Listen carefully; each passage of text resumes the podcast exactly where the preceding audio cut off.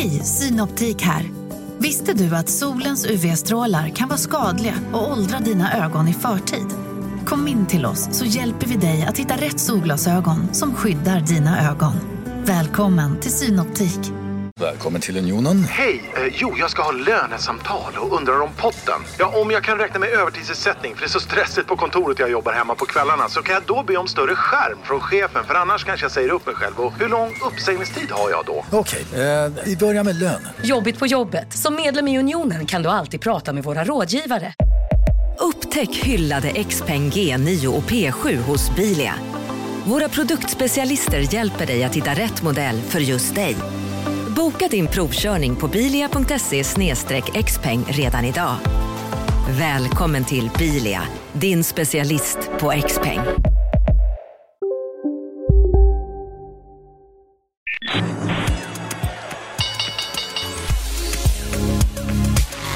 Det här är Marknaden med Helene Rothstein. Hej och hjärtligt välkomna. Idag så ska vi göra något väldigt kul. Vi ska nämligen träffa en som heter Nils Robert Persson och det var så att han tog ett företag som heter Sinober och sålde det till Nasdaq. Nasdaq köpte det här bolaget. Det kostade dem kanske 3 miljarder kronor och ganska kort därefter så ser vi nu Nils Robert Persson starta ett nytt bolag med typ samma idé och flera personer som hade börjat där på Nasdaq, de har börjat på det här nya företaget som heter Vermiculus. Och vi ska gå upp och se vad de har på gång egentligen och hur det kommer sig att man kan göra så här. Ja, eh, jag är definitivt entreprenör och, och, och, så tillvida att jag gillar inte att jobba i stora organisationer. Jag jobbade en stund på Ericsson och en stund på SE-banken och sen blev jag egen konsult och det trivdes jag jättebra på. Och sen så blev jag rekryterat till OM som var då ett av de mest framgångsrika bolagen vi har haft inom finanssektorn i, i Sverige. Så tillvida att man bröt ny mark. Det var första privatägda börsen. Det var första vinstdrivande börsen. Det var första börsen som arrangerade handeln med elektroniskt handelssystem. Eh, vi var en riktig outsider. Vi slogs mot alla drakarna i världen och, och vi gillade varenda dag att gå till jobbet. Vi tyckte det var jätteroligt. Eh, efter tio år så var det helt plötsligt en, en jätteorganisation med elva nivåer i hierarkin och eh, massa möten och massa tråkiga företeelser och väldigt lite eh, nyutveckling och, och entreprenöriellt. Så då slutade jag. Och vem var drivande här med OM från början? Ja, det var ju Olof Stenhammar. Eh, Olof Stenhammar startade OM från början. Han var med hela tiden så länge jag var med och han var med fram till dess att Nasdaq köpte OM, jag tror det var 2006. Han, han är en, en fantastisk entreprenör. Jag har lärt mig jättemycket av honom och eh, eh, gillar det här med korta beslutsvägar, inga titlar, väldigt mycket team som jobbar tillsammans med gemensamma mål. För det som hände när du sen var på OM och du var ansvarig för hela börshandeln där, det var att eh, det kom in eh, några som skulle göra börshandeln mycket mer elektronisk än vad den hade varit tidigare. Ja, det var fyra stycken personer som tillsammans hade eh, tittat närmare på hur man kunde effektivisera systemutvecklingen. För på 90-talet så byggde man ju eh, stora så kallade monoliter. Det var jättestora system som skulle ta hand om allting. Eh, svårt att utveckla och framförallt enormt svårt att underhålla. Men de, de eh, hade tittat på ny teknologi och, och konstaterat att det här går att göra effektivare. Så de kom upp till mig. Jag var ju då chef för börs och clearingverksamheten i både Sverige och England för, för OMs räkning. Och undrade om inte vi kunde investera. Jag tyckte det var alldeles utmärkt för jag hade ju alla mina IT-leveranser från vår eh, interna IT-avdelning. Och jag blev ju naturligtvis deras riktiga kassako. Och eh, tyckte ibland att det var helt orimliga priser jag skulle behöva betala för relativt enkla saker. Så om jag kunde bli delägare i en extern organisation så skulle jag ju naturligtvis kunna använda dem för att se till att vi fick ett bättre pris på vår egen systemutveckling. Det som hände så småningom var ju att du slutade på OM och eh, du gick över till de här externa. Jag tänker att de är programmerare, utvecklare och eh, så grundar man då Sinober. Ja, det var fyra stycken riktiga utvecklare. Sådana här som på sin höjd kan tänka sig att ha utvecklare eller developer på sitt visitkort och eh, jobbar väldigt mycket i det tysta men fantastiskt duktiga. Jag däremot, eh, jag har ingen ambition att ha någonting annat på visitkortet men mina egenskaper var ju lite andra. Jag är en tekniker, utbildad tekniker men många inklusive min hustru anser jag är helt värdelös eh, tekniker. Så, så eh, jag, fick ju, jag har fått koncentrera mig på att göra andra saker. Det, det jag är bra på det är väl att, att se de stora sammanhangen, se, se vad kunder har för behov och, och se vad vi kan göra åt våra kunder och sen sy ihop affären.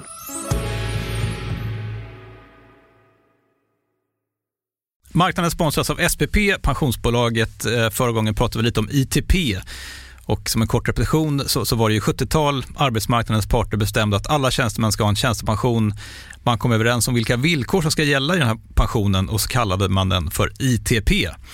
Så jobbar man idag som tjänsteman i ett företag med kollektivavtal, då har man förmodligen den här pensionen, ITP-pensionen.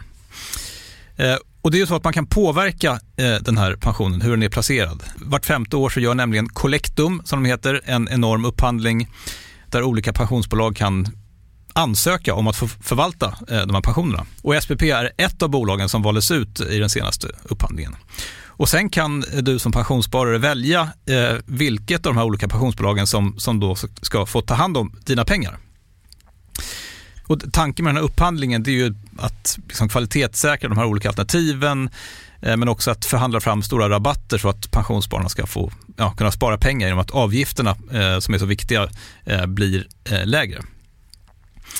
Och vill man välja någonting i ITP-systemet då finns det en relativt ny sajt som heter avtalat.se. Ehm, där kan man gå in och se hur sin ITP-pension är placerad. Jag gjorde det häromdagen faktiskt. Ehm, idén är att hälften av pengarna alltid ligger i något som kallas för traditionell försäkring. Det här gjorde vi ett avsnitt om i podden Kapitalet nyligen eh, som vi kallade världens bästa sparform. kan man lyssna på om man är intresserad. Eh, den andra halvan eh, den kan man också lägga i en traditionell försäkring eller så kan man placera det i något som kallas för fondförsäkring. Eh, SPP som sagt eh, var ju ett av de fåtal bolagen som valdes ut i den senaste upphandlingen och de finns med som alternativ både med en traditionell försäkring och med eh, fonder. Så det var en liten bakgrund till ITP-systemet. Vill man läsa mer om det här eller typ kolla hur ITP-pensionen är placerad, eh, kanske göra förändringar, då går man in på avtalat.se Eh, men tack säger jag till SPP som vill göra oss människor mer medvetna om hur enormt viktig pensionen är för oss som en framtida lön, men också som en positiv kraft i samhället eh, och förstås för att ni möjliggör eh, den här podden Marknaden. Du lyssnar på Marknaden med Helene Rothstein.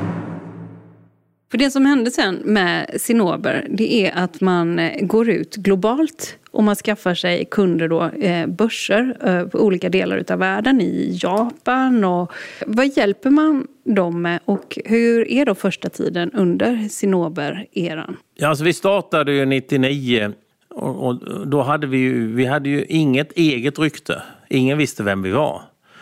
Men bara det faktum att vi kom från Stockholm hjälpte oss ju lång väg eftersom Stockholm var och till viss del fortfarande är eh, ett centrum i världen för utveckling av applikationer för, för börser och clearinghus. Så eh, vi fick upp eh, via gamla kontakter upp ett, flera kunder och bland annat så fick vi American Stock Exchange. Då var det världens största optionsbörs med ett gigantiskt golv. För amerikanerna hävdade ju långt fram på 2010-talet att golvhandel var mycket effektivare än elektronisk handel. Men de ville ha hjälp att effektivisera sin golvhandel med ett hybridsystem som vi byggde åt dem. Och det är väl fortfarande det mest komplexa eh, systemet vi har, vi har byggt fastän att det var det första vi gjorde. Sen råkade vi ut för Amex som de kallades för, American Stock Exchange. Deras eh, gigantiska byggnad låg 200 meter söder om eh, södra tornet i World Trade Center. Så eh, September 11 slog ju extremt hårt mot dem. De fick just det, deras byggnad var ju helt igenstängd under flera månader innan de fick lov att gå in i den igen. Och vårt projekt skakade. För vi visste ju inte om kunden egentligen fanns längre eh, på grund av det här. Men eh, det redde upp sig och eh, vi fortsatte projektet och levererade 2003-2004 ett, ett fantastiskt system. Sedan så köpte New York Stock Exchange Amex och vårt system användes i allt mindre omfattning. Men det var ett otroligt spännande projekt som inledde en, en period som var ju väldigt spännande. Så 2004 så blev Cinnober vald till Sveriges mest snabbväxande företag alla kategorier genom eh, Dagens Industris eh, Gasellen-tävling. Så vi blev en så kallad supergasell 2004. Fick motta diplom och pris av kronprinsessan Victorias hand. Det var eh, väldigt motiverande för hela bolaget naturligtvis.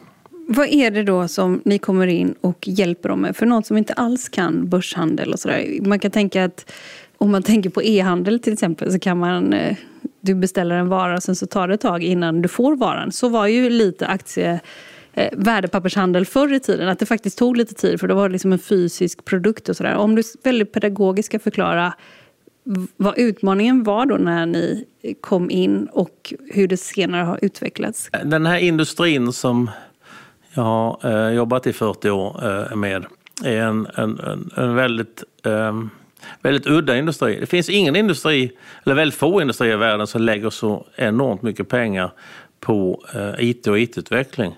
Och jag vill påstå att det är få industrier som använder IT så ineffektivt som vår bransch gör. Och det är ju mycket därför att eh, vi forslar pengar fram och tillbaka och det finns alltid några mellanhänder någonstans som vill lägga beslag på de där, händer, de där pengarna. Men det vi gör då är, om man tittar på en börs så är det eh, egentligen en väldigt enkel eh, en väldigt enkel applikation. Även en värdelös eh, tekniker som jag skulle kunna bygga och kan bygga ett, ett börssystem i Excel.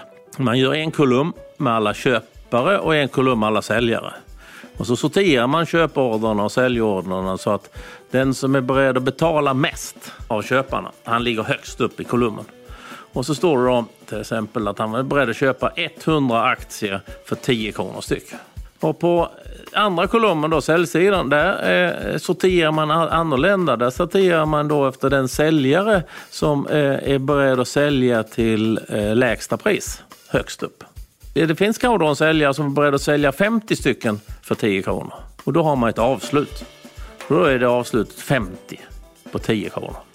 Eh, de här två sorteringarna och sen eh, eh, villkorsatsen villkorssatsen att, att plocka ut avslutet, det är egentligen ett helt börssystem. Då kan man fråga sig varför kostar då ett börssystem flera hundra miljoner och ibland miljarder att ta fram? Jo, därför att man kan göra det betydligt mer komplicerat än så.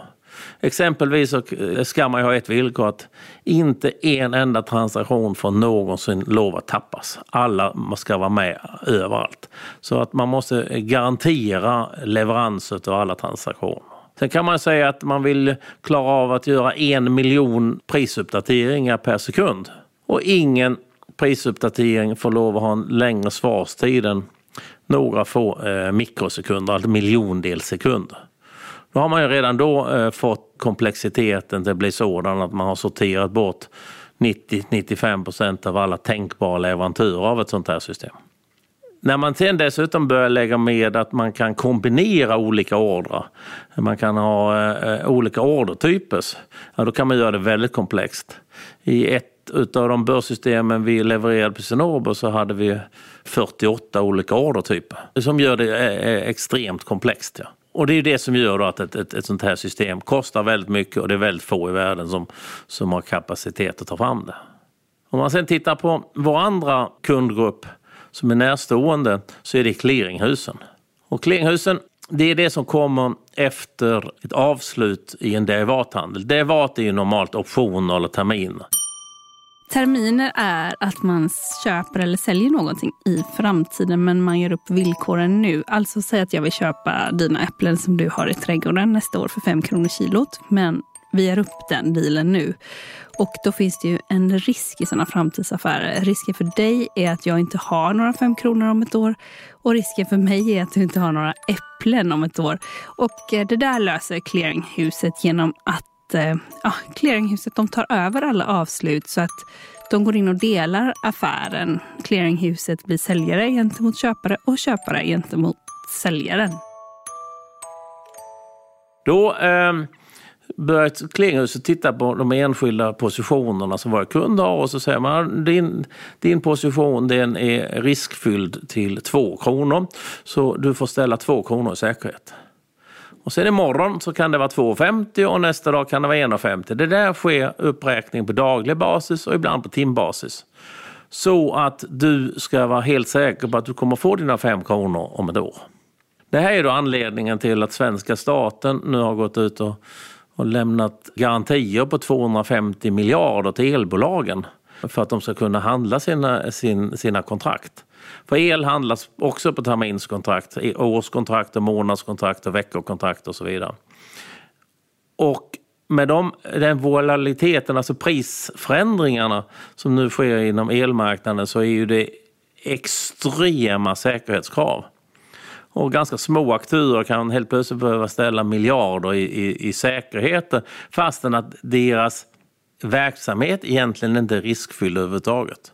Så de här 250 miljarderna som staten ställer eh, som säkerhet, de är, eh, det är ingen större risk som staten tar. Men det är ett smörjmedel för att marknaden överhuvudtaget ska fungera. Och derivat och clearinghus är en, en, en utmaning för en, en systemleverantör för det är väldigt många väldigt komplexa krav som, som ställs. Och, eh, eftersom det finns inte så många börser och clearinghus så, så passar det ganska bra att för, för ett bolag som Cinnober eller nu Vermiculus att leverera till båda de här kategorierna.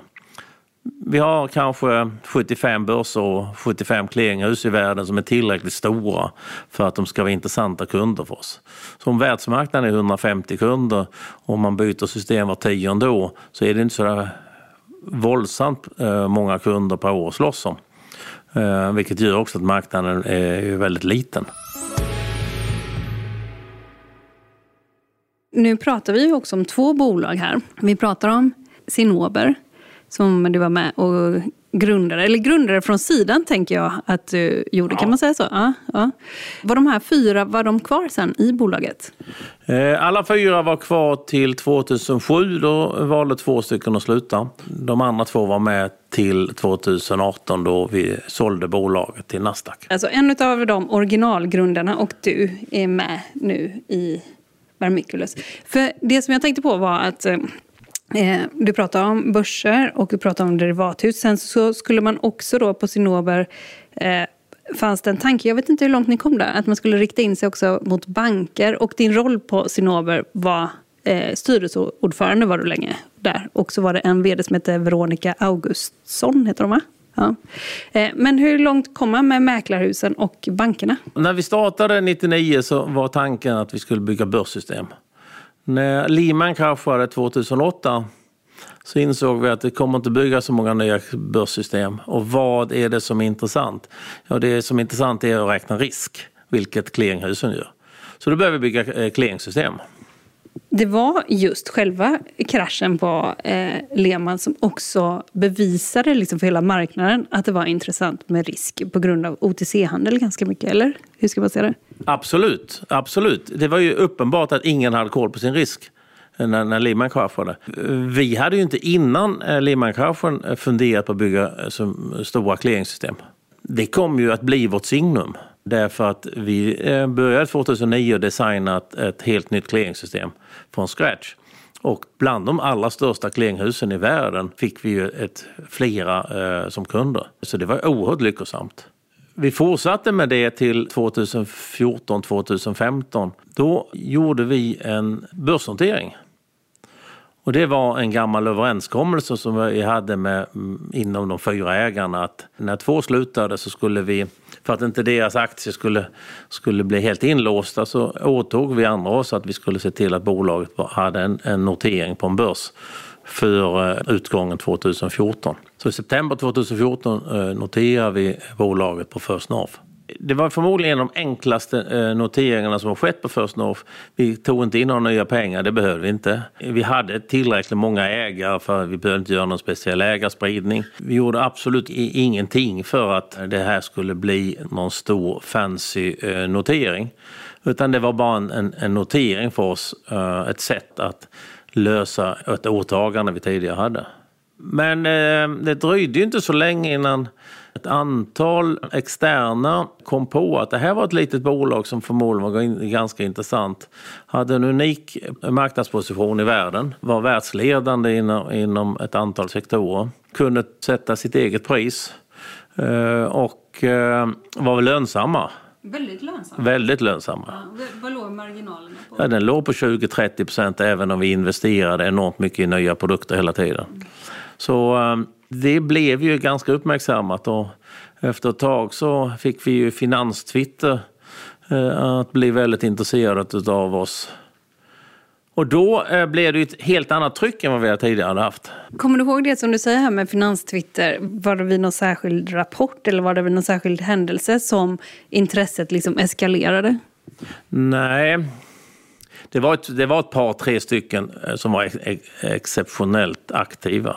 Och de, eh, i all välmening tror jag, kunde ju skriva saker som var helt eh, fascinerande i efterhand när man funderar på det. En skrev en gång till exempel att jag såg Sinobes VD gående på Kungsgatan. Vi hade vårt kontor på Kungsgatan då. Eh, Hon såg jätteglad ut, måste vara stora affärer på gång var på kursen gick upp 3 kronor. Alltså marknadsvärdet ökade 100 eh, miljoner ungefär. Om man är en långsiktig ägare och inte funderar på värdet från dag till dag så är man ju fascinerad av den typen av rörelser. För det var väl också när det liksom tog fart, finans-Twitter, lite ordentligt tänker jag då? Ja, det var det. Eh, och det var väl jag tycker Finanstwitter idag är mestadels ganska seriöst och det som inte är seriöst sorteras ganska snabbt ut, framförallt när, när, när kurserna går ner. Men eh, då var det ganska sjövilt eh, 2014-2015. Så att vad, vad, som hände sen var ju att vi fick, ju, vi fick press på oss att att, att eftersom vi var så otroligt duktiga i de här två små sektorerna, varför gick vi inte med hårdare in på banksektorn och, och så hux flux så hade vi ju fem dotterbolag, flera stycken i London. Vi tog in nya pengar och eh, vi eh, blev ett annat bolag egentligen.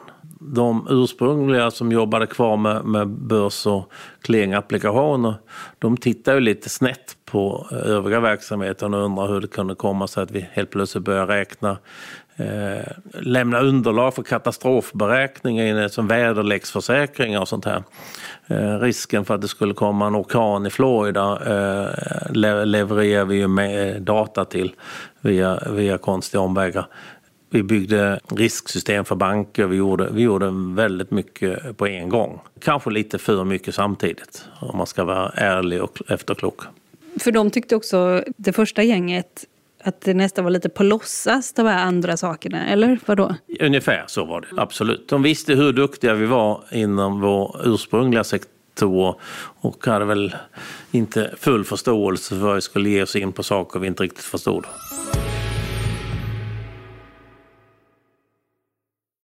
Eh, marknaden sponsras av Karla. Eh, vi pratar ju en hel del om bilar här på kontoret. Eh, Karla har ju skapat, skulle jag säga, det som är standarden för hur man idag köper och säljer bilar på nätet. Kort bakgrund bara. Karla säljer och leasar begagnade elbilar och laddhybrider på karla.se. Alltså en helt digital upplevelse. Och man har gjort det här med ett nästan maniskt fokus på vad en bilköpare faktiskt behöver. Jag gjorde ju en intervju med en av grundarna, Patrik Illerstig, i marknaden här eh, ganska nyligen, eh, daterad 25 mars, om man vill lyssna på den. Eh, men där berättar han hur de kom in i det här lite från vänster för att försöka uppfinna hela den här liksom bilköpupplevelsen från början. Och de har idag, vilket är rätt otroligt, 4,8 i betyg eh, på Trustpilot. Jag, jag har sett många företagssidor på Trustpilot, men det här är nog bland eh, det bästa jag någonsin sett eh, faktiskt. Man kan sälja bilen till Karla också. Eh, då går man in på karla.se, delar lite info om bilen, sen får man en gratis värdering och ett bud. De hämtar bilen helt gratis i hela Sverige och så har man pengarna på kontot i samma stund som de hämtar bilen. Det är grymt. Eh, så ska du köpa en ny bil eller sälja din gamla, eller båda delar för den delen, gå in på karla.se och eh, kolla. Alltså karla.se och Karla stavas med C. Tack så mycket till Karla. Du lyssnar på Marknaden med Helene Rothstein. Du hade ju en långvarig vd på Cinnober, Veronica Augustsson. Och jag såg i någon artikel hon sa ja men vi slutar, vi kom inte riktigt överens här på slutet. Vad var det man inte kom överens om? Eh, när vi jobbade ihop i, i 15 år. Eh, och var 13 år jobbade vi väldigt nära ihop. Eh, och hon blev ju vd 2012 om jag minns rätt. En fantastiskt duktig vd.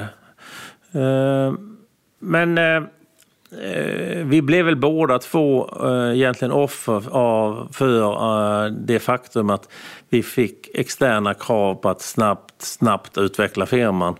Och det gick väl lite väl snabbt och det var inte alltid vi var helt överens om hur det skulle ske. Så mot slutet så hade vi inte något bra samarbete och då var det väl det bästa som kunde ske att vi slutade samarbeta. Och detta var före Nasdaq köpte? Eller? Ja, det var ett år innan Nasdaq köpte. Ni blir så småningom uppköpta utav Nasdaq. Men som jag har förstått det så var också Nasdaq er främsta konkurrent. Eller jag undrar ifall det stämmer och jag undrar också varför det finns så få konkurrenter. Alltså, anledningen till att det finns få konkurrenter ger väl sig själv egentligen av att det är extremt höga inträdesbarriärer och väldigt liten marknad. Det är ju jättemånga som har påstått att de eh, bygger börssystem. Det är väldigt få som har byggt två. Det, det tror jag är svaret på, på frågan varför det är så få. Sen det som var unikt med Cinnober och som är definitivt lika unikt med Vermiculus är att vi är oberoende. Och de konkurrenter vi har det är börser som försöker prångla ut sina egna system till andra. Det är framförallt två stycken, det är Nasdaq och så är det London Stock Exchange. Och båda två ifrågasätts ju bland de större börserna i världen.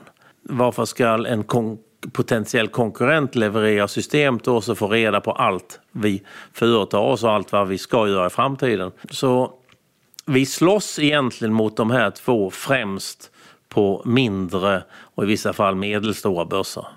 På de riktigt stora, där är vi ensamma. Förutom att vi alltid då har krigat mot interna IT. Och eftersom en börs normalt sett har en marginal på 70-75 procent så har pengar aldrig varit ett problem. Och eh, de har alltid gillat att, att, lägga mycket pengar på sina egna utvecklingar. Det ser vi faktiskt en skillnad på idag. Därför att det är så många som har insett att det är för svårt, de klarar inte av det. Även om de lägger en miljard så räcker inte pengarna. För det, de måste varje gång ta in ett nytt gäng som aldrig gjort det här innan och som inte har kompetensen. Du var tillsammans med Peter Lenti de största ägarna när Nasdaq köpte Cinnober.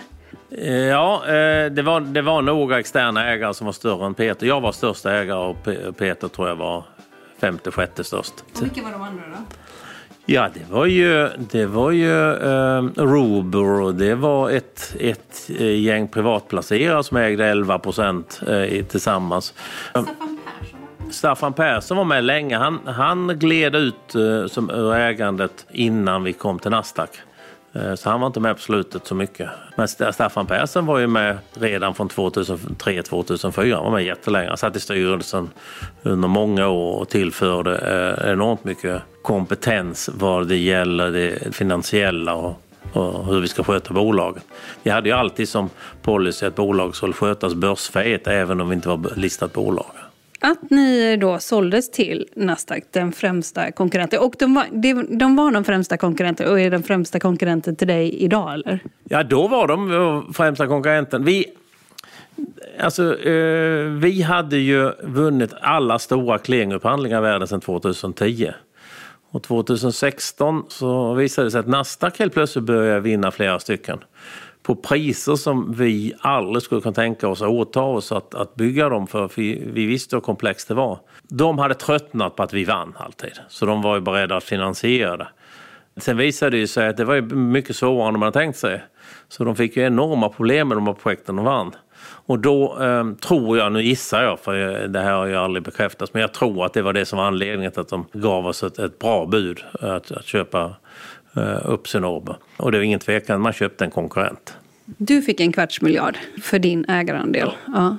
ja. Eh, och sen så går du till Nasdaq och så börjar du jobba inhouse kan man säga. Att ni blir liksom en eh, developer inhouse och så ska man då sy ihop det här med övriga IT-avdelningen. Du går egentligen tillbaka, du gör en boomerang lite grann. Ja, det stämmer inte riktigt.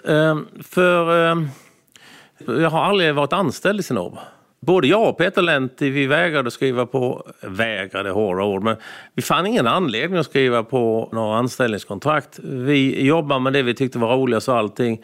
Vi jobbade så mycket vi ville. Eh, vi tog ledigt när vi ville, vilket ibland inte var så ofta. Och eh, vi fick vår ersättning. Jag eh, titulerar titulerade mig styrelseordförande, Peter Lente titulerade sig developer. Vi var nöjda och glada. Eh, det ställer ju naturligtvis till problem för att eh, vi var inte anställda när Nasdaq köpte oss. Jag erbjöd mig vid övergången att, att fortsätta jobba under förutsättning att jag fick jobba med mina gamla kunder och mina gamla anställda. Eh, Peter Lenti eh, hade tänkt att ta anställning men fick reda på att nej, men han var inte så intressant för han satt i styrelsen med Cinnober och de behövde inte fler styrelseledamöter. Så vi slutade ganska omgående båda två. Jag eh, gick jag ur lokalen samma dag som vi, eh, vi hade ett nytt styrelsemöte och tillsatte en ny styrelse. För då ansåg jag att mitt uppdrag var, var avslutat. Och eh, Peter var med ett par månader för att lämna över det han hade gjort och sen slutade han. Fick ni extern advokathjälp för att inte skriva på att ni var anställda? Eller hur, hur funkar det där? Nej, det fick vi inte. Jag tror en advokat hade rekommenderat oss att skriva på. Det är ju, det är ju fullständigt vansinne att jobba utan anställningskontrakt. Anställningskontrakten är ju lika mycket skydd för den anställde som för företaget. Utan, eh, jo, men du hade ändå en kvarts miljard på fickan. Eller liksom... Ja, men det fick jag ju efteråt. Det, det fick jag när, när, jag hade redan bestämt mig för att sluta den dagen jag fick de pengarna. Eh, så att um, vi hade absolut ingen hjälp eh, utan det där skötte vi efter vårt eget omdöme. Det som jag har svårt att förstå det är att om du är Nasdaq, du sitter med ganska omfattande regelverk, du har säkert ganska bra jurister och du gör ett ganska stort förvärv. Hur mycket var det hela bolaget såldes för? Ja, totalkostnaden för Nasdaq blev ju upp mot 3 miljarder. Alltså både köpet Eh, Eh, man betalar väl 2,3 eller något sånt där men sen så avvecklingskostnaderna för man, man, man eh, avskedar ju en ganska stor del utav eh, personal. Avvecklingskostnaderna och sen eh, ett antal andra saker runt omkring så tror jag säkert att de, deras totalkostnad kommer upp i 3 miljarder. Så man gör ett jättestort förvärv. Och man vet inte då att eh, ni sen kan ju bara gå och starta liknande verksamhet igen. Och så kommer jättemycket personal över till er. Och det har man inte skyddat sig emot. Hur ska man förstå det? Det är klart att de ville skydda sig. De ville ju naturligtvis ha en, en massa garantier. Men, men det här var ett listat, eh, börsnoterat bolag på deras egen börs dessutom. De kunde inte ställa olika krav på olika aktieägare. Och jag var ju helt ointresserad, vilket jag om jag får prata för Peters del också, vi var ju helt ointresserade av att, att förbinda oss för någonting. Eh, dock ska vi ju eh, vara väldigt ärliga och säga, det fanns ju inte en enda plan i någons huvud någonstans att vi skulle starta någonting nytt. Eh, jag började med att investera i startups, vilket jag hade gjort under lång tid dessförinnan också och tycker det är jätteroligt att hjälpa unga människor att starta företag och hjälpa dem med finansieringen och eh, sitta lite i styrelsen och vara lite rådgivare. Fantastiskt roligt. Och, och Peter tog uppdrag på en av våra gamla kunder och, som han blev rådgivare till.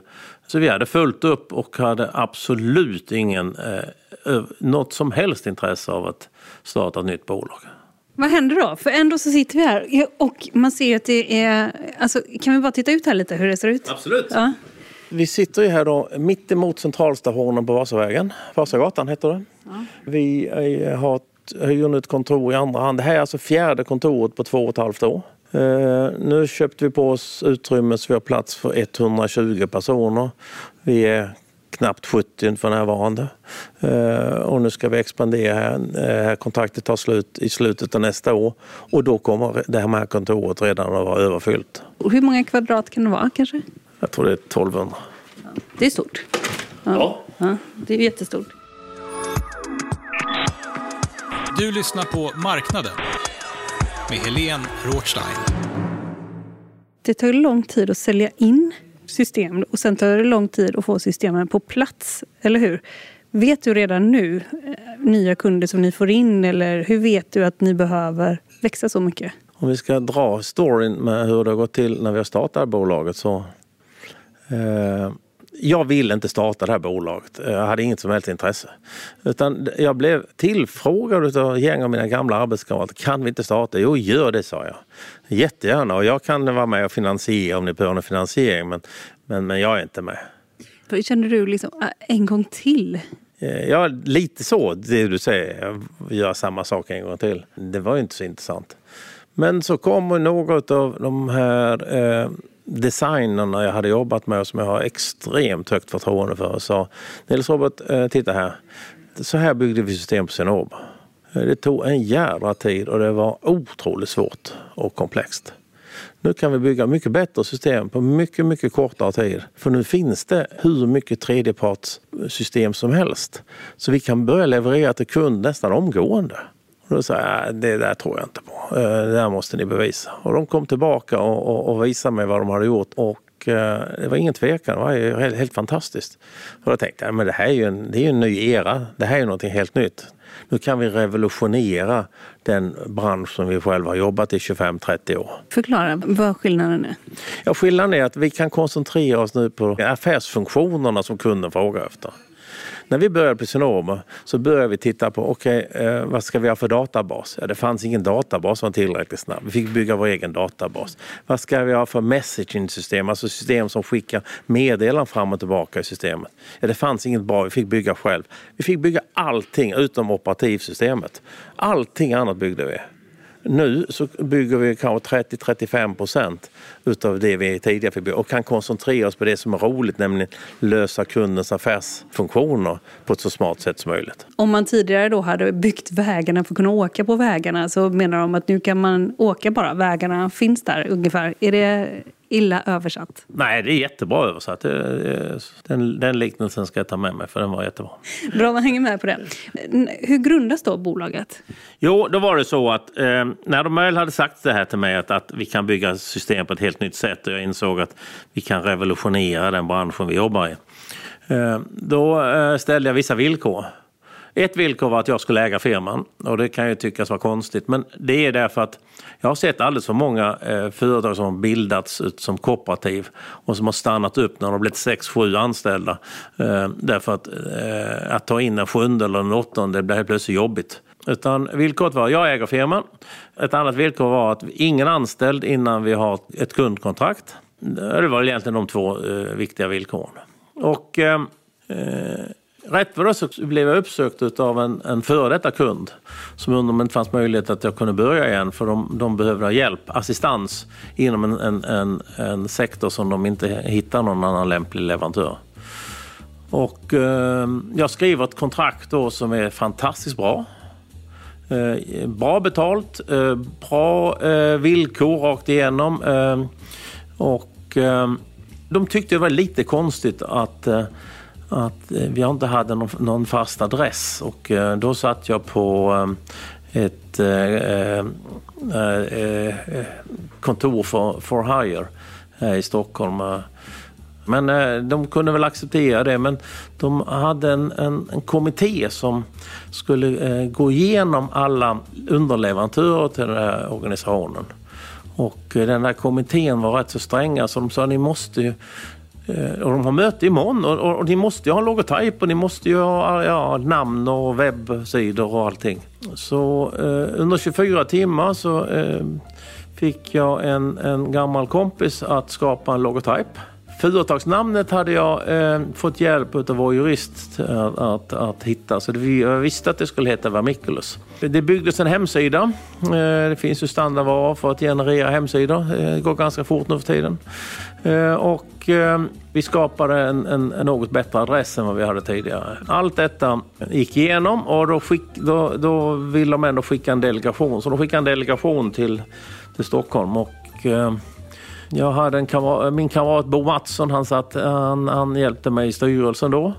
Så jag sa till honom nästa vecka så måste du vara med på ett möte. Och eh, jag hade i mitt eget eh, bolag en person anställd som skulle bli eh, först nummer ett i, i Vermiculus om det blev någonting. Så honom var med och sen Peter Lenti och så var det två till som var med och hjälpte mig. Så jag jag satte ihop ett möte då med, med det här gänget från, som kom över från USA som skulle eh, kontrollera oss. Kan man säga nu vilka det var? Eh, ja, det var eh, världens största optionsclearinghus som heter OCC i Chicago. Jag skrattar lite för det är ju inte vilka som helst. Liksom. Nej, nej, det är... Jag menar, när jag varit biltillverkare så hade det ju varit som Rolls Royce. Mm. Så att det, eh, det är ju naturligtvis en, en, en ära. Um, de kom och jag kunde tyvärr inte vara med på mötet för jag hade flera andra viktiga möten. Eh, det var ju naturligtvis taktik för att eh, eh, då fick de träffa de här fem personerna. De satt i tre timmar med dem och de var överlyckliga de gick därifrån. För det var ju, vi hade ju mycket, mycket mer. än Dem. Vi hade ju en organisation, och vi hade en styrelse, vi hade lokaler och ja, det var ju väldigt, väldigt bra. Och jag stod ju ungefär på, på 100 meters avstånd och tittade bakom gardinen hur, hur, hur det hela gick. Men det gick jättebra. Hur ska man förklara att du inte var med? Det viktigaste med det här mötet var ju naturligtvis att de fick förtroende för den organisation som, som de skulle jobba med i framtiden. Och om inte jag var med, om jag hade någonting annat som var viktigt eh, sidan om, då, då kunde de ju se en, en större organisation runt hörnet. Här, här kommer de, men eh, jag håller på här nu också med Mercedes, tyvärr. Ja. Så menar du? Ja. Exakt så menar jag. Och, eh, så eh, de insåg att att det var ju ett, en, riktig uppstart. Så, de var ju smarta nog på ett sätt. De sa, vilka ska du jobba med? Och jag sa att ja, här är en lista på 35 pers. De flesta av dem kommer säkert att vara med. Har du eh, anställt dem? Nej, jag anställer ingen innan vi har ehm, första eh, kontraktet på plats. Men hur vet vi att du kan anställa? Eh, alltså, I USA skulle det här vara fullständigt omöjligt. Ja, men det är inte omöjligt i Sverige, sa jag. För, eh, vi har stort förtroende för varandra och de vill gärna vara med och, och, och, och, och förändra eh, hela marknaden. Och det är det vi kommer att göra. Så då ehm, skrev de in i avtalet att eh, jag hade fyra månader på mig att anställa 25 personer utav den här, på den som stod på den här listan. Eh, annars hade de rätt att kliva av, av avtalet eh, direkt. Eh, till min stora glädje så dröjde det sex dagar så ringde jag till dem och sa att nu har 25 av dem skrivit på. Var kom de härifrån då?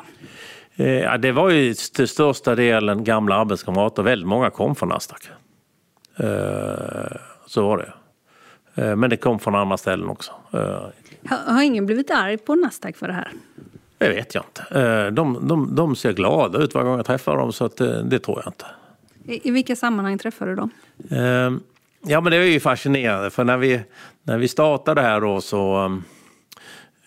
vad, var det... Vad är det på för datum? Här? Ja, första mars uh, 20. Ja, alltså en vecka innan pandemin. Mm, mm. Så uh, ett väldigt bra argument var att ja, du får gärna komma till kontoret och jobba. Jag satt på kontoret varje dag. Eh, jag tycker om att gå till kontoret och jobba. Eh, och eh, det visade sig att de allra flesta, eller väldigt få av de som blev anställda föredrog att sitta hemma och jobba. De hade ju blivit hemförlovade från sina andra arbetsplatser. Fick inte lov att komma till jobbet. Och här fick de lov att komma om de ville. Och väldigt många ville. Det blev ett del av anställningserbjudandet som jag aldrig hade räknat med skulle ha något värde. Men det hade det absolut. Du får lov att komma till kontoret? Ja, exakt. Du får lov att jobba på kontoret, även om det är pandemin. Och du behöver inte ha några munskydd på dig, du behöver inte eh, eh klorin, klorin eh, duscha innan du går in och så vidare. Utan, eh, vi körde på som nästan som ingenting hade hänt. Naturligtvis så tog vi del av de restriktioner som Folkhälsomyndigheten och andra hade. Men, men i övrigt så hade vi en, en relativt enkel, eh, är du sjuk stannar du hemma. Är du inte sjuk, vill du gå till jobbet, gör det. En sak bara som jag tänkte när vi skulle prata om eh, om man jobbar med utvecklare eh, så är det ju ett väldigt, och programmerare, det är ju ett väldigt kreativt yrke och kreativa processer och sådär. Är det svårt när det kommer in, alltså kulturkrocken mellan då ett stort bolag som du sa själv att du inte tyckte om att jobba på stora bolag till exempel och ett litet bolag. Finns det någon liksom motsättning i att det ska egentligen funka bra för att man ska kunna vara framåt och komma med innovationer och sådär? Ja, man brukar ju säga att um, alla uh, stora uh, ja, stora och, och uh, utvecklande system som har eh, skrivits i, världen har skrivits av team som inte har varit mer än 8-10 personer. Det värsta som finns för systemutvecklingar och systemprojekt det är ju när de drabbas av elefantiasis, när de växer eh, lavinartat utan att eh, marginalnyttan ökar. Alltså när varje tillskjutande person har en negativ marginalnytta. Ehm, det är extremt vanligt bland de stora, eh, stora företagens stora projekt. Alltså projekt som vi normalt sett kör med 25 personer eh, får ju många av de storföretagen eh, lätt in 150-200 personer på. Och ändå så eh, brukar vi normalt sett leverera fortare än vad de kan. Och framförallt till mycket högre kvalitet. För det blir inte speciellt hög kvalitet om man är 150 personer i, i ett projekt med 150 viljor och 150 olika eh, sätt att koda och, eller testa eller skriva eh, spesarna på. Eh, nej, elefantiasis är den värsta eh, sjukan för systemprojekt. Och det är något som är liksom allmänt känt, så att säga? Absolut. Eh, det finns ju ett, ett system som heter T2S.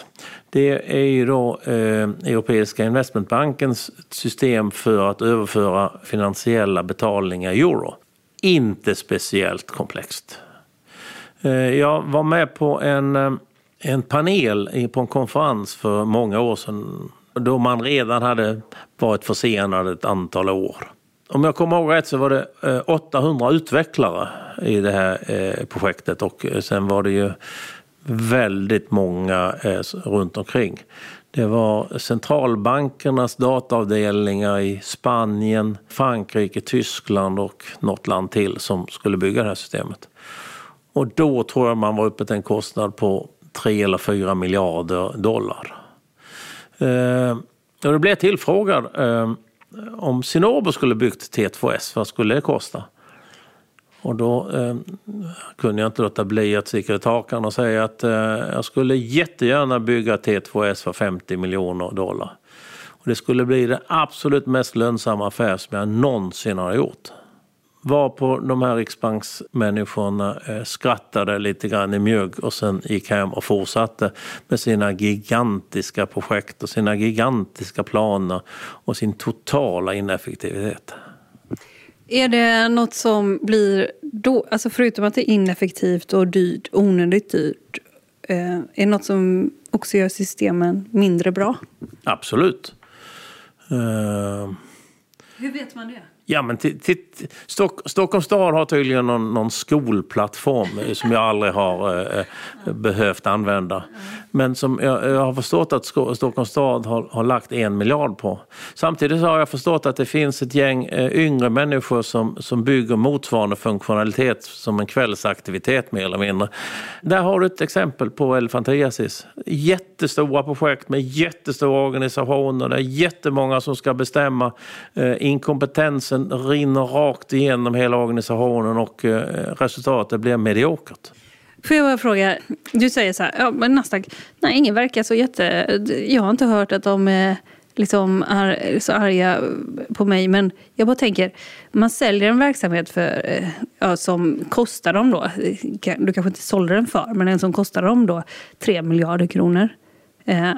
Det som man har köpt, därifrån försvinner jättemycket folk. Och så uppstår det en konkurrent igen med samma grundare. Nog borde någon vara lite sur på det här, eller? Ja, ägarna borde ju, borde ju titta på hur de använder sina pengar. I sig tjänar de ju enormt mycket pengar. Investor? Investor till exempel. Eh, vad säger Investor? Har du pratat med dem? Nej, det har jag ingen anledning att göra. Eh, de, väl, om, vi ska vara, om vi ska vara ärliga, så för min del så är det väl rätt bra om konkurrenterna är ineffektiva och gör med sina pengar. Det är jättebra ju. I och för sig så jag är liten aktieägare i Investor så jag skulle kunna använda den. Men, men det rör sig om, om, om tusendels promille så att eh, tror inte jag har någon större eh, saying power heller. Eh, jag har inga som helst problem med att de är ineffektiva. får de gärna ha. Men de har ju jättemånga utav era gamla kontrakt och det tar jättelång tid att få nya kontrakt och nya kunder och sådär. De här OCC till exempel, var de också kunder på Cinnober-tiden eller hur, hur, hur kom de ens till dig? Ja, de var kunder på Cinnober-tiden. Eh, det delikata är ju att eh, Eh, Nasdaq är största ägare av OCC. Så det är ju lite, det är ju extra roligt tycker jag. Eh, men du sa innan att eh, det är långa kontrakt och tar lång tid och tar lång tid att skaffa sig. Stämmer det? Stämmer absolut. Eh, eh, OCC bearbetar jag personligen i över 20 år innan jag fick kontraktet. Eh, det finns andra börser jag har bearbetat lika länge. Vi, alltså, jag har ju en relation med väldigt många börser i världen sedan gammalt. Ända sedan jag var själv ansvarig för börsverksamheten på OM så skapade jag det nätverket. Det nätverket har ju varit värt väldigt mycket. När vi får ett kontrakt med en kund Normalt sett så tar det 6 till 9 månader från initial diskussion till vi har ett avtal. Eh, normalt sett tar det 1 till 1,5 år att leverera. Och normalt sett behåller kunden systemet 10-15 år. Och normalt sett betalar kunden eh, betydligt mer än 100 miljoner. Så att det är få kontrakt, det tar lång tid att få dem, lång tid att genomföra, men det är väldigt stora kontrakt. Hur ser man då på detta att ha standardiserade system kontra skräddarsydda? Det där är en 10 000 kronors fråga. Um, vi har bestämt oss eh, för länge sedan att de här kunderna vill använda... De system de köper hos de är affärskritiska för dem. Och eftersom börsverksamhet är oerhört enkelt att eh, skapa och att eh, globalisera så för, vill varje börs ha ett unikt koncept. Man vill ha en, ett unikt erbjudande. Eh, och det innebär också att varje system blir unikt. Så vi säljer bara skräddarsydda system. Vi har ingen hylla där vi kan gå ner och plocka ett system från och leverera till kund. Och vi är egentligen inte intresserade av den typen av kunder heller. För den typen av kunder, de, de, de är beredda att betala en liten penning för ett system som de tror används i tiotusentals exemplar. Och det finns väldigt få börser som har en, en karbonkopia av någon annan börssystem. Eh, eh, Så vi, vi, vi tillhandahåller enbart skräddarsydda lösningar. Inom en helt annan bransch, alltså bettingbranschen, och så där, då pågår det just nu, det vet du säkert också, en diskussion om man ska ha sportsboken, om man ska utveckla den själv eller om man ska köpa in den externt. Och det finns ju externa leverantörer som säger att det externa är det absolut bästa. Men så finns det ju, ser man ju samtidigt en trend där man faktiskt utvecklar den egna sportsboken. Även ifall det kanske är mindre effektivt så är det liksom en... Det är ändå så man vill göra. Hur ser du på det som ni tillhandahåller och börserna att, som Nasdaq då vill göra det här själv? Eller hur, hur, ser du på den här utvecklingen på sikt? Dels vad som händer och dels vad du tycker kanske borde hända. Ja, alltså, eh, om man jämför med bettingbranschen så vill jag påstå att eh, vi anser att det är mycket bättre att köpa externt. Ja. Ja, jag förstår. Men vi anser ju inte att det är mycket bättre att köpa en standardiserad lösning. Betting, bettingbranschen tillhandahåller ju en standardlösning då, eh, på sin, eh, sin sportboxlösning till exempel. Och den ser, ska se likadan ut på alla ställen. Eh, det tror jag inte på. Därför att vad vi vill konkurrera med, det är att vi vill konkurrera med att ge börsen deras unika erbjudande, deras unika koncept på det absolut bästa sättet till lägsta kostnad. Det kan de inte göra själva och det kan de inte finna någon konsultfirma som, som eh, kan bygga. Men vi som har gjort det här i 30 år och som, som kan i stort sett varenda kontrakt, finansiellt kontrakt som finns i världen och, och varenda sätt att lösa kombinationsorder som finns i världen. Vi kan tillföra så mycket mer än att bara bygga det systemet som de tror att de behöver. För det är, det är nästa sak. Eh, att det sätt vi bygger system på nu är inte bara effektiva och ger en bättre lösning. Det ger också en mycket, mycket effektivare eh, plattform för eh, framtida förändringar.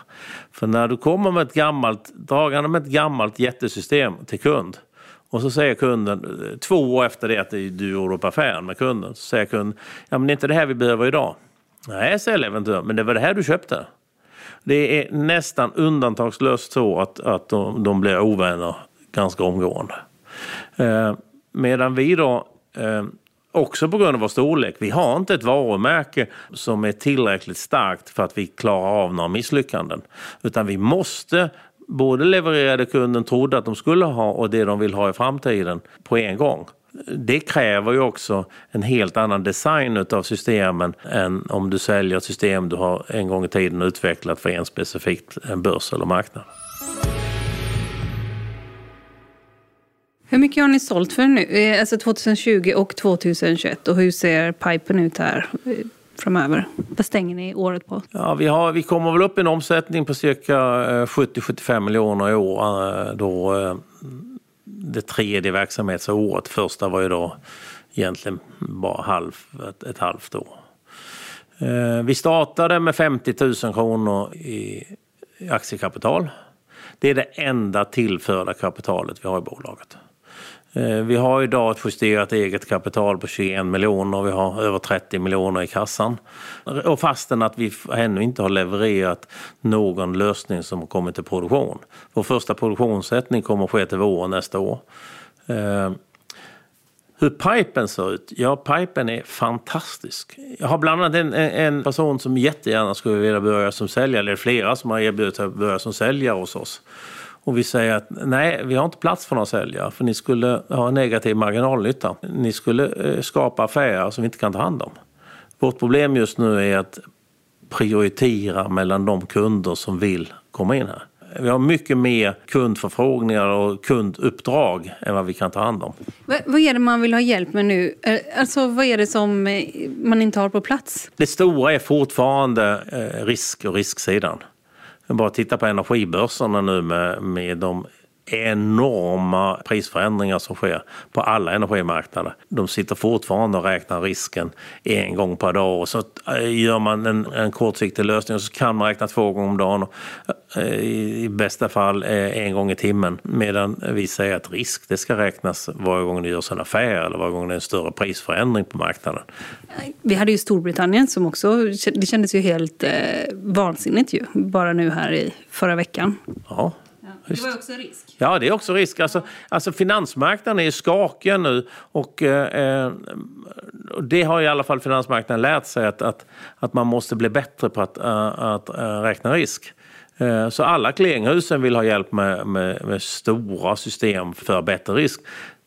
Sen är det väldigt många som också vill, ha, vill byta ut sina gamla clearingsystem.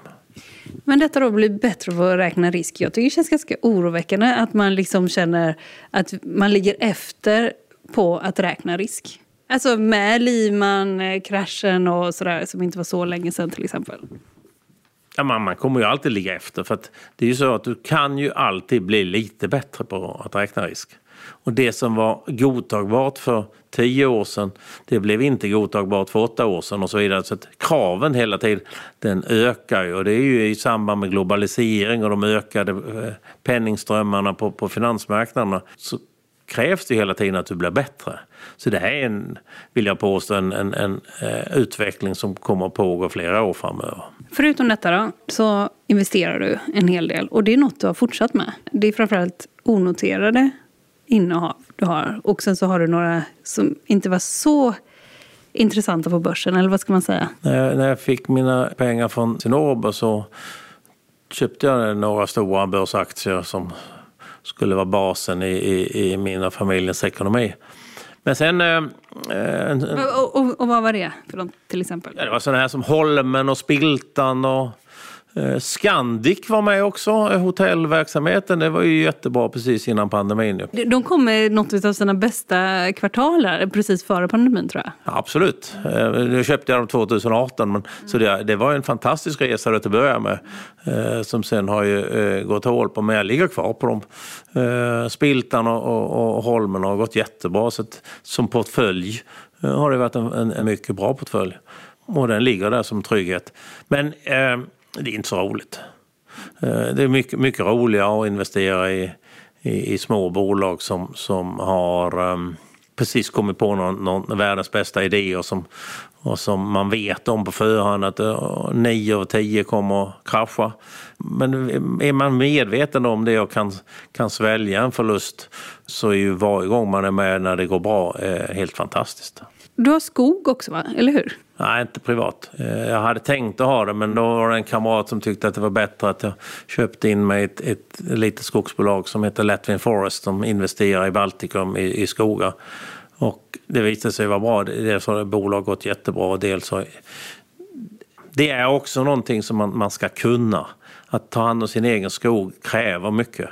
Det är inte bara att äga den utan man, man Eh, jag tycker det är oerhört roligt att vara i naturen. Jag tillbringar mycket stor del av min tid, fritid i, i naturen. Men, men att äga en skog är ett stort ansvar. Då är det bättre att äga, vara delägare. Så jag är en av de större delägarna i, i det här bolaget som, som går riktigt bra. Och om vi tar onoterat då. Eh, vad är det, kan du nämna några bolag här?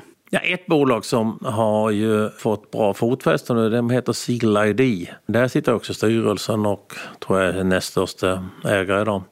Vi, vi, vi designar och, och levererar en lösning som eh, ger kvalificerade signaturer. I Sverige tror vi att eh, mobilt bank-id är världens säkraste lösning.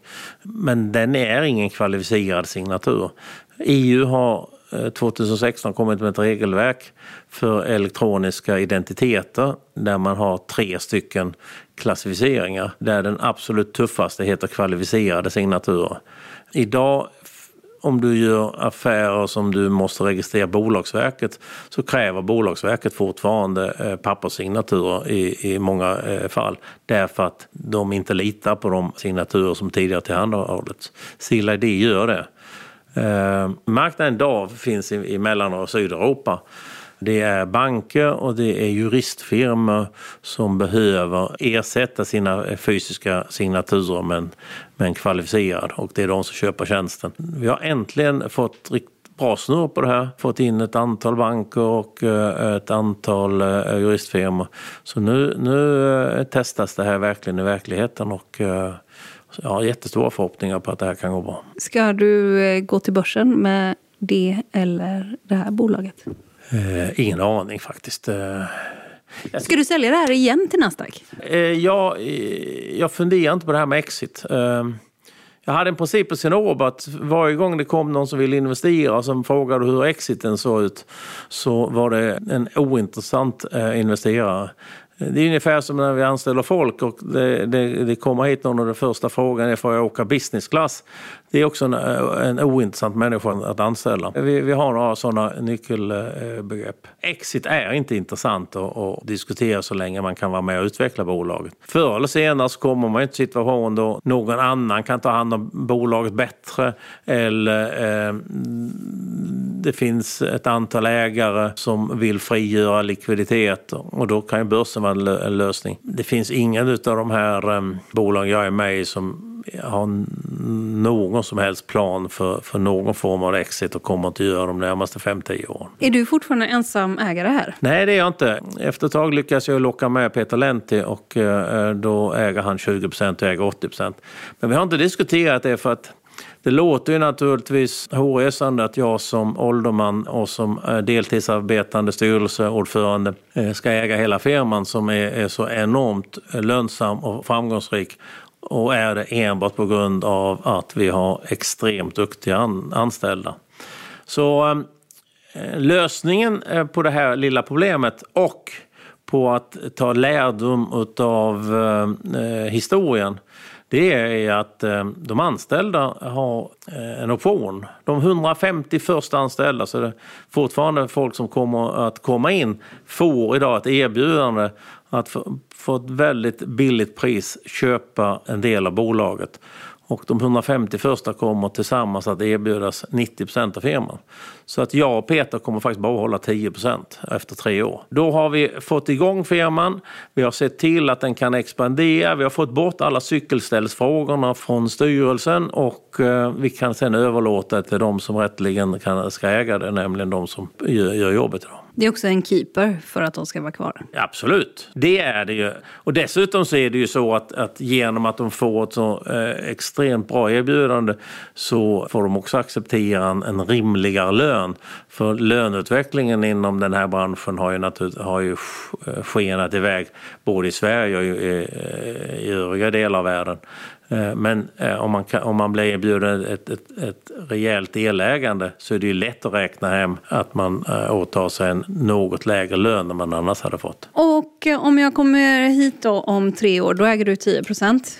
Och vad har hänt med bolaget?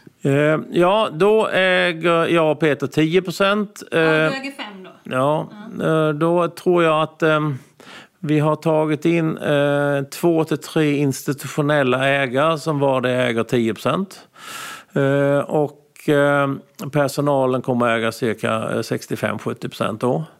Eh, då har vi den, eh, den styrkan att de anställda aldrig behöver känna att de är ansvariga för en framtida finansiering av bolaget om, något, om det någonting skulle behövas. Dessutom ger det oss en body som eh, gör att vi kan köpa andra bolag och gå ihop med andra bolag. Eh, och skapa en större plattform. Eh, vi kommer att vara minst 250 anställda. För den marknad där vi jobbar idag så behöver vi vara 250 för att kunna ta hand om eh, fem, sex stora kunder samtidigt och dessutom supportera och underhålla och vidareutveckla de existerande kunderna. Det är ett ett, ett absolut eh, rimligt krav eh, på, på storleken. Däremot tror jag inte vi kommer bli så mycket större eh, inom den här eh, båden i alla fall. En tjatig fråga är ju lite, eller jag kan tycka det är en klyschig fråga, men jag undrar så. Vad är det som eh, driver dig? Ja, det som driver mig är att, att ett, det gäng som kom in eh, eh, är otroligt smarta. Och att, att få lov att jobba med eh, yngre, väldigt smarta människor är extremt stimulerande. Dessutom har vi en VD som heter Tarane Diariati som är exceptionellt drivande och, och, och, duktig. Hon kom till, till Sverige för att plugga på KTH, gjorde sitt examensarbete på Sinob och sen dess har vi jobbat ihop. Hon är stor anledning till att den här firman överhuvudtaget finns och eh, kommer att förvalta den på ett, ett, ett, extremt bra sätt. Hon är mammaledig just nu så eh, på, ligger lite mer på oss andra att ta hand om och förvalta firman men eh, hon jobbar redan aktivt hemifrån och kommer, kommer tillbaka nästa år med enormt mycket energi. Vet du, då kommer hon faktiskt också få vara gäst i podden Marknaden. Och jag säger stort tack till dig Nils Robert Persson för att jag fick komma hit. Tack så mycket, det var jätteroligt. Du har lyssnat på podden Marknaden med mig, Helene Rådstein. Den här podden den är tillbaka om mindre än en vecka. Håll ut, hej då! Thank you.